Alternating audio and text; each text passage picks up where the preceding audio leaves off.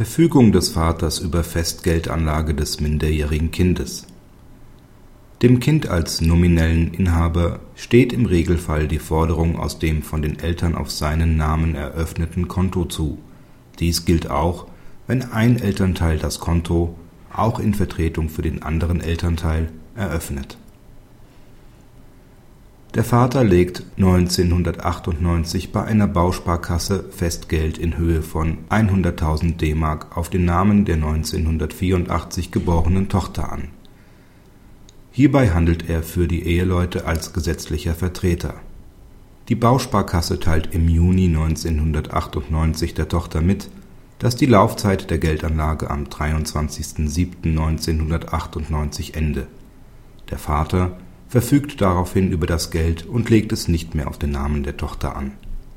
Die Tochter verlangt nun vom Vater 51.725.000 Euro 70 und obsiegt in beiden Instanzen. Der Anspruch ergibt sich aus § 816 Absatz 1 BGB. Der Vater verfügte als Nichtberechtigter da die Tochter die Inhaberin des Festgeldkontos und damit am 24.07.1998 verfügungsberechtigt war. Zum einen liegt bei der Kontoeröffnung eine wirksame Stellvertretung durch den Vater und die Mutter vor, zum anderen ist ein Vertrag zugunsten Dritter gegeben. Dem Inhalt der Kontoeröffnungsunterlagen kommt hierbei gesteigerter Indizwert zu. Ist dort ohne jeden Vorbehalt ein Kontoinhaber bezeichnet wird dieser selbst dann Gläubiger der Bank, wenn die auf dem Konto gutgeschriebene Valuta vom Konto eines Dritten stammt. Hierfür spricht auch das Schreiben der Bausparkasse, das an die Tochter adressiert war.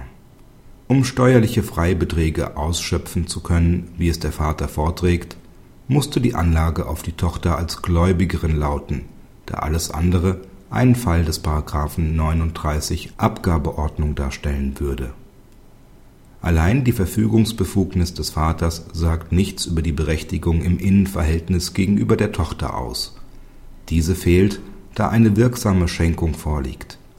Es genügt, dass allein der Vater zum Zeitpunkt der Zuwendung die Schenkungsabsicht besitzt, da er bei einer Zuwendung von den Beschränkungen des § 181 BGB befreit handeln darf. Ergänzend gilt § 516 Absatz 2 BGB